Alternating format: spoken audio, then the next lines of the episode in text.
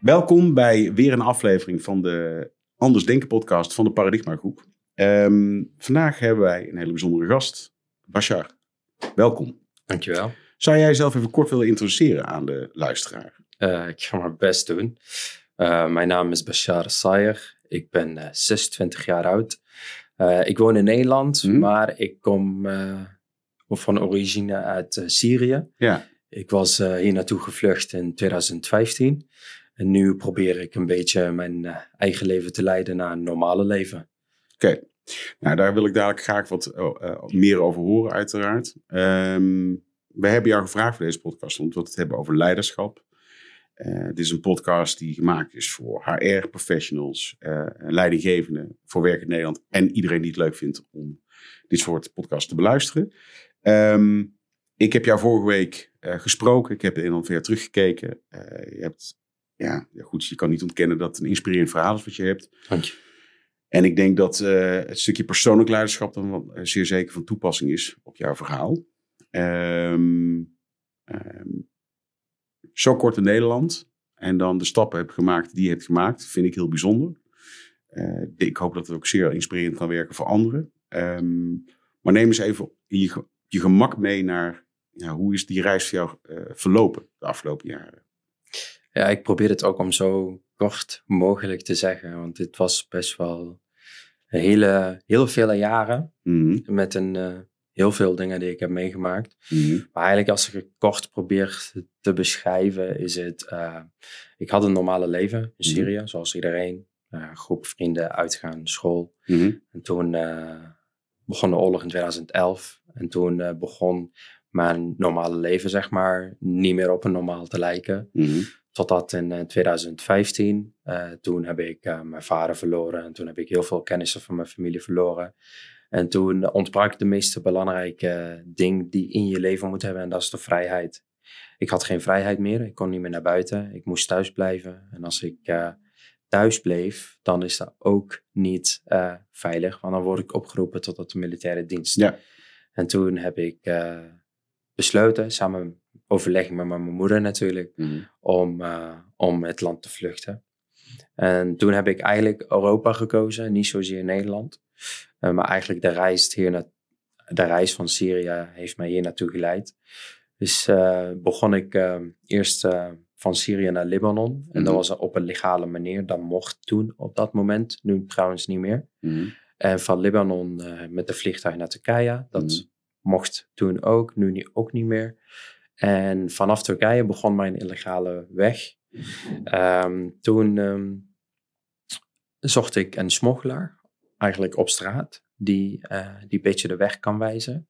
En toen werd het tegen mij verteld van een van die smokkelaars dat uh, voor 900 dollars mocht ik een, uh, een boot op de boot samen met andere mensen naar Athene of een van de Griekse eilanden ja. in, in Griekenland. Dus toen ging ik met de boot naar Griekenland en Griekenland naar Macedonië, Macedonië naar Servië, Servië naar um, Slovenië, nee, Kroatië, Kroatië naar Slovenië en Oostenrijk, Duitsland en van Duitsland naar Nederland. Dat was uh, mijn reis van uh, Syrië naar hier en dat was uh, eind 2015. En ik was in Nederland in 2016, nee, 2000, ook 2015, 20 november. 20 november 2015. Okay. Ik vertrok 29 oktober. Nu heb je dit verhaal waarschijnlijk al onnoemelijk veel keren uh, verteld. Best wel veel, ja. ja. En uh, ik, je, je vertelt alsof je op vakantie bent geweest. Zo, zo komt het er nu uit. Zo lijkt, zo lijkt het, ja. Ja, nou is dat het tegendeel waarschijnlijk waar. Is, kan, je de, kan je het over de... Kunnen mensen begrijpen wat je uh, hebt doorgemaakt in die reis? Nee, ze kunnen, nooit, uh, ze kunnen dat nooit begrijpen en ik neem ze ook niet kwalijk. En ook als ik het verhaal vertel, dan zeggen ze... Ja, ik kan me eigenlijk niet voorstellen, Bashar. En dan zeg ik, het hoeft ook niet. Je hoeft Nee. dat niet te voorstellen. Ik snap dat je dat niet begrijpt, maar ik vertel het wel tegen je. Ze, zij snappen niet hoe voelt het om je familie te verlaten en dan vluchten door negen landen heen. Ze snappen dat niet. En Ik snap het ook. Ik snap het dat ze niet snappen. Ze zien wel vaak op tv over vluchtelingen die, eh, die verdrinken in, in de zee. Mm. Dus dat zeggen ze altijd tegen mij. Moest je ook op de boot waar iedereen is Mm. overleden of zo verdrinken? Ik zeg ja, nou, dat is precies wat je had gezien. Daar moest ik meemaken. Ja, ja er blijft een. een, een eh, ik vind het ook wel goed dat je het toch weer deelt, hè, ook al eens van de honderdduizendste keer. Want ik denk dat, dat we ons niet beseffen wat, wat je ook daadwerkelijk meemaakt. want je bent niet het vrije wil vertrokken. Nee. Wat je zegt, je had daar je leven, je had daar je school, je had daar je vrienden, je had daar je familie. Ehm, Oké, nu kunnen we daar denk ik nog een hele podcast mee vullen. maar dan kom jij in Nederland en dan moet je op een illegale wijze, dus dan moet je op eh, de instanties gaan zoeken. Je spreekt de taal niet. Je was hier samen met je, bent samen met je broer gekomen, Ja, die hulp nodig eh, heeft. Ja, klopt. Ehm, ehm, hoe heb jij weggevonden? Want je, je bent hier nog maar zo kort. En, en Eigenlijk niet. Ik heb mijn weg niet gevonden. Ik heb, eh, ik heb gedaan wat ik dacht op dat moment de juiste dingen is. En dan eh, toen kwam ik achter dat sommige dingen waren niet goed voor mij. Sommige dingen waren wel goed. Mhm. Dus eigenlijk blijven doorgaan en foute dingen maken totdat je de juiste dingen tegenkomt. Eh, als je in Nederland bent, nou goed, ben ik op een illegale manier gekomen. Maar vanaf dat moment begint eigenlijk mijn legale weg. Mhm. En eh, be- begon eigenlijk mijn asielprocedure. En Ja. dan gaan ze dan een paar interviews afleggen. En dan eh, word je in een AZC ontvangen. Helaas voor mij in 2015 eh, was een hele drukke jaar. Dus er zijn heel, heel veel duizenden, duizenden vluchtelingen Ja. die daar gekomen. Waardoor heel veel druk was in een AZC. Dus ik moest van één AZC naar de andere. In zoveel korte tijd. Dus ik moest iedere maand twee maanden van één AZC naar de andere voor één jaar.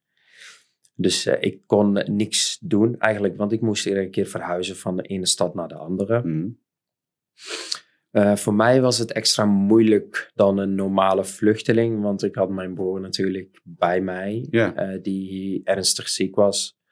Eh, die had eh, heel erg, eh, hij was, hij was in, in eigenlijk een noodgeval voor, voor een hulp. Mhm. Hij had een psychische ziekte, die heet psychose. En hij Mhm. kon eigenlijk, hij had geen controle meer op zijn eigen acties. Nee. Dus ik moest constant met hem in de gaten houden.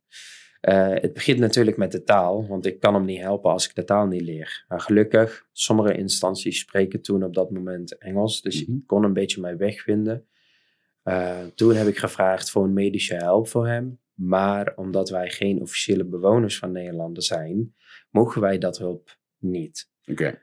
Dus eh, ze hebben een paar basismedicijnen waar hij een beetje tijdelijk, zeg maar, een hulp krijgt. Mhm.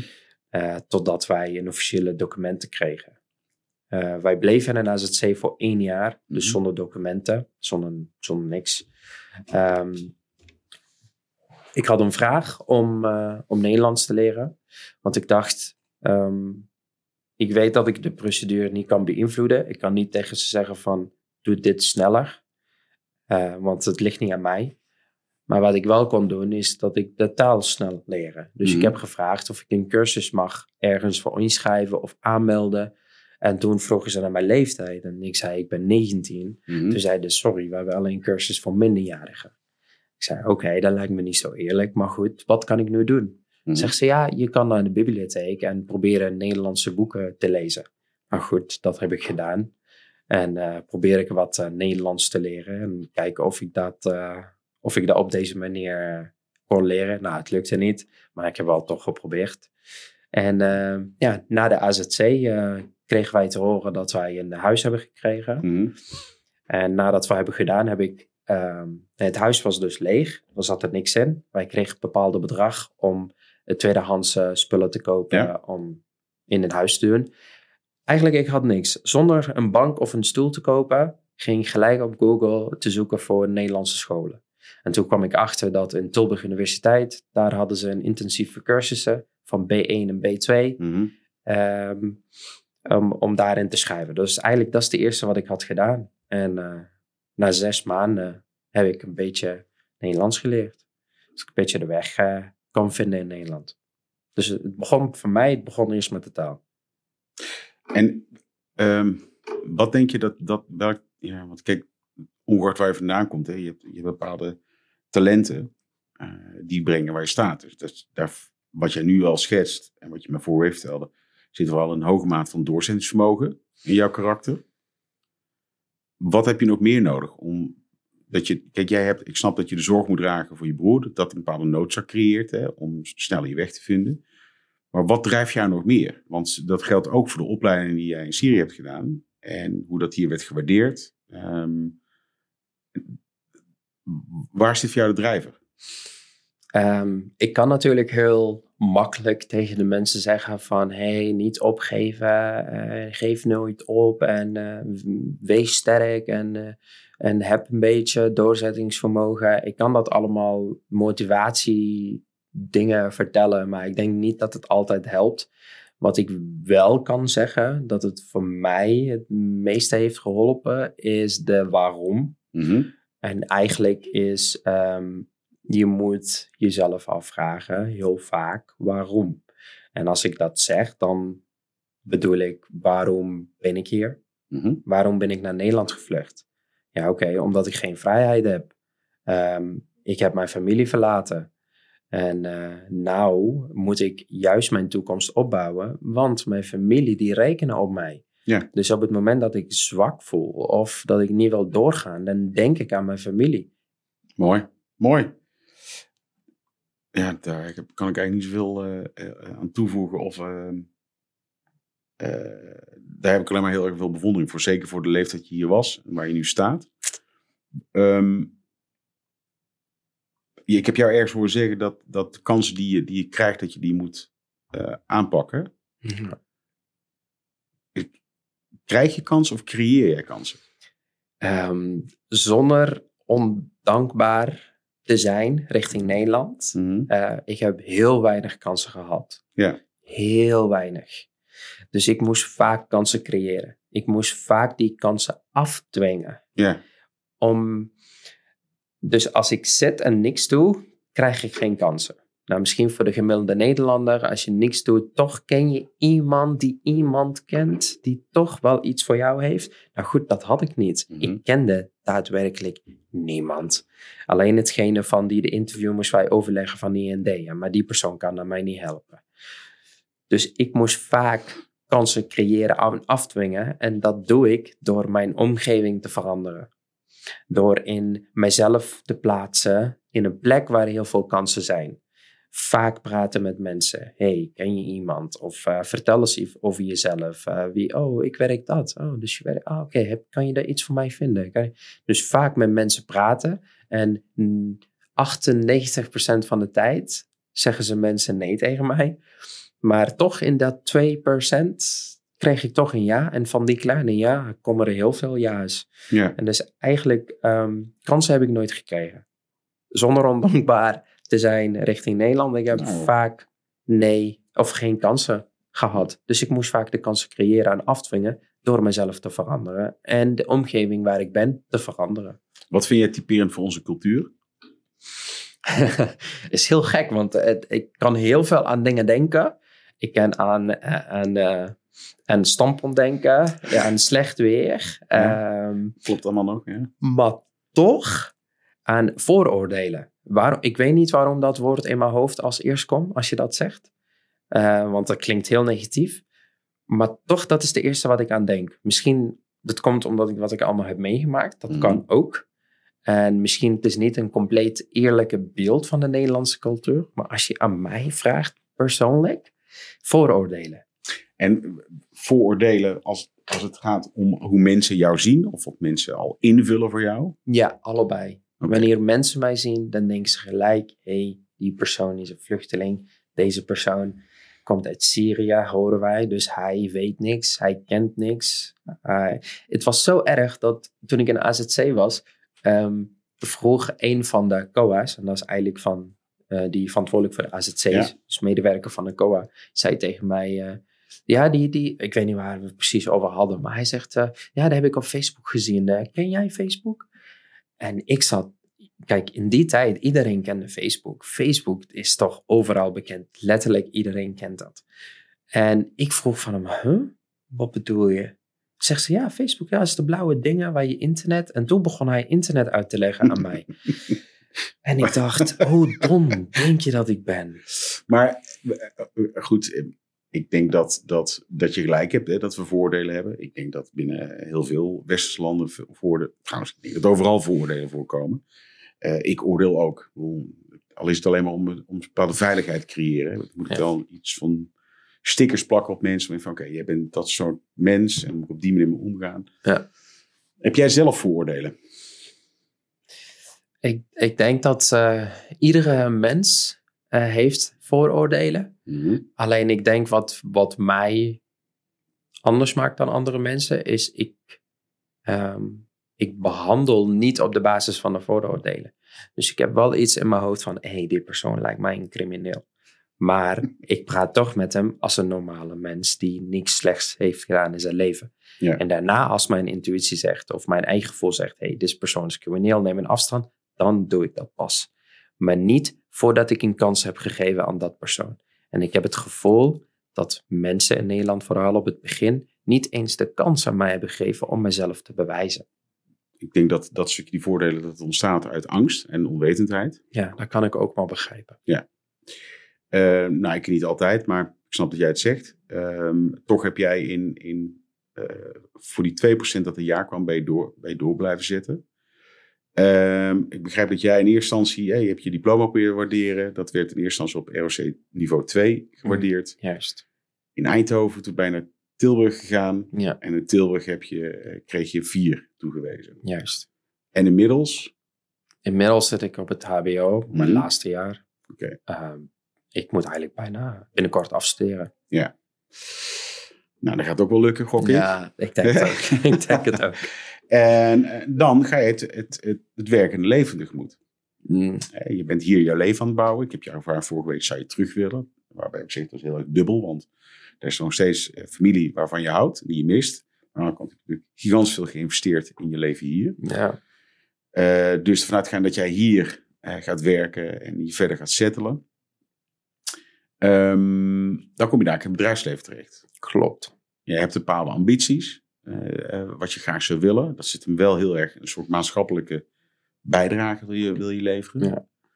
Mm, wat denk je dat je tegen gaat komen? Want je loopt stage en zo, weet je. Dus je, je hebt natuurlijk wel een beetje geproefd en je hebt een bijbaantje. Dus werken, dat, dat doe je al een tijdje. Ja, klopt. Maar daar heb je een grote mensenbaan. Klopt. moet je gewoon fulltime aan de bak.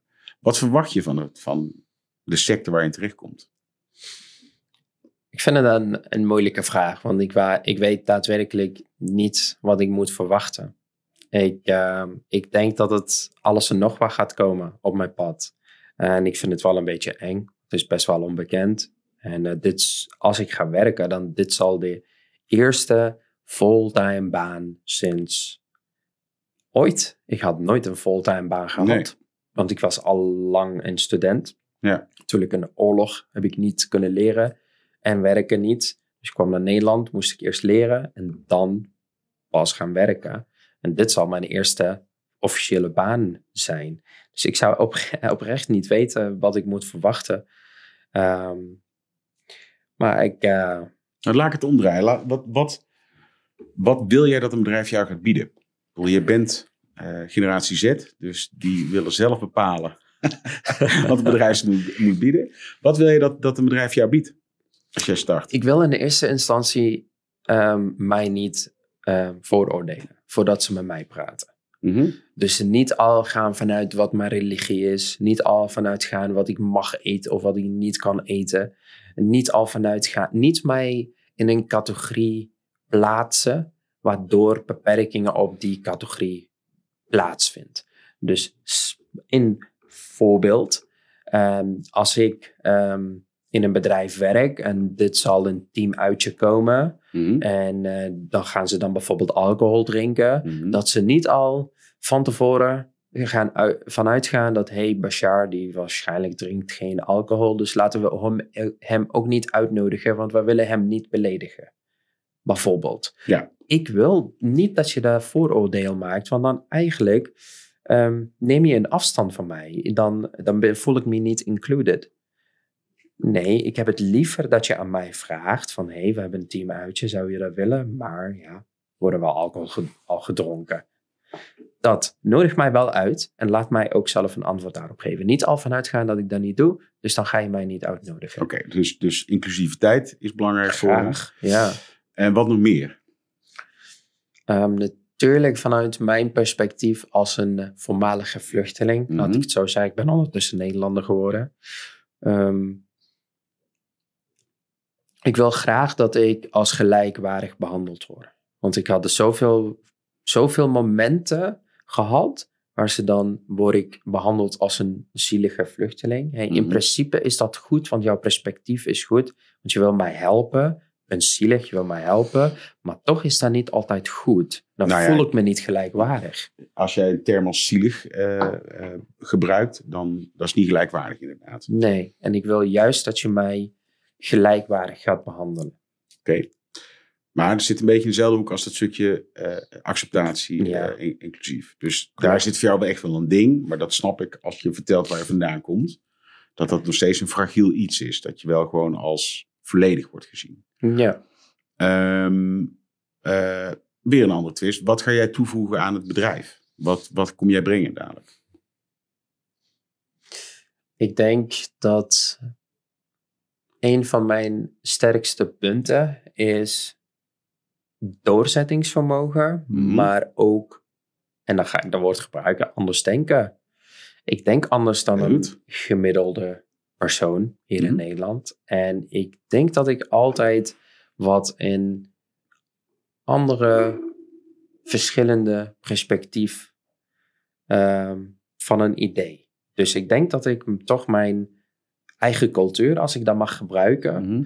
een andere blik op een onderwerp, een verschillende blik op een onderwerp, verschillende perspectief, dat ik dan misschien kan toevoegen in een combinatie met de kennis die ik hier heb geleerd. En wat, ehm, hè, want jij hebt zelf kans gecreëerd vanuit jouw achtergrond. Ehm, ik geloof ook dat je zelf kansen creëert en dat ze niet zomaar voorbij komen. Ik denk wel dat je altijd ergens een, een, een, een dosis geluk nodig hebt. Je hebt ergens ook een haakje nodig of iemand die in je gelooft. Of Mee op het juiste moment, juiste plek iemand tegenkomt. Ehm,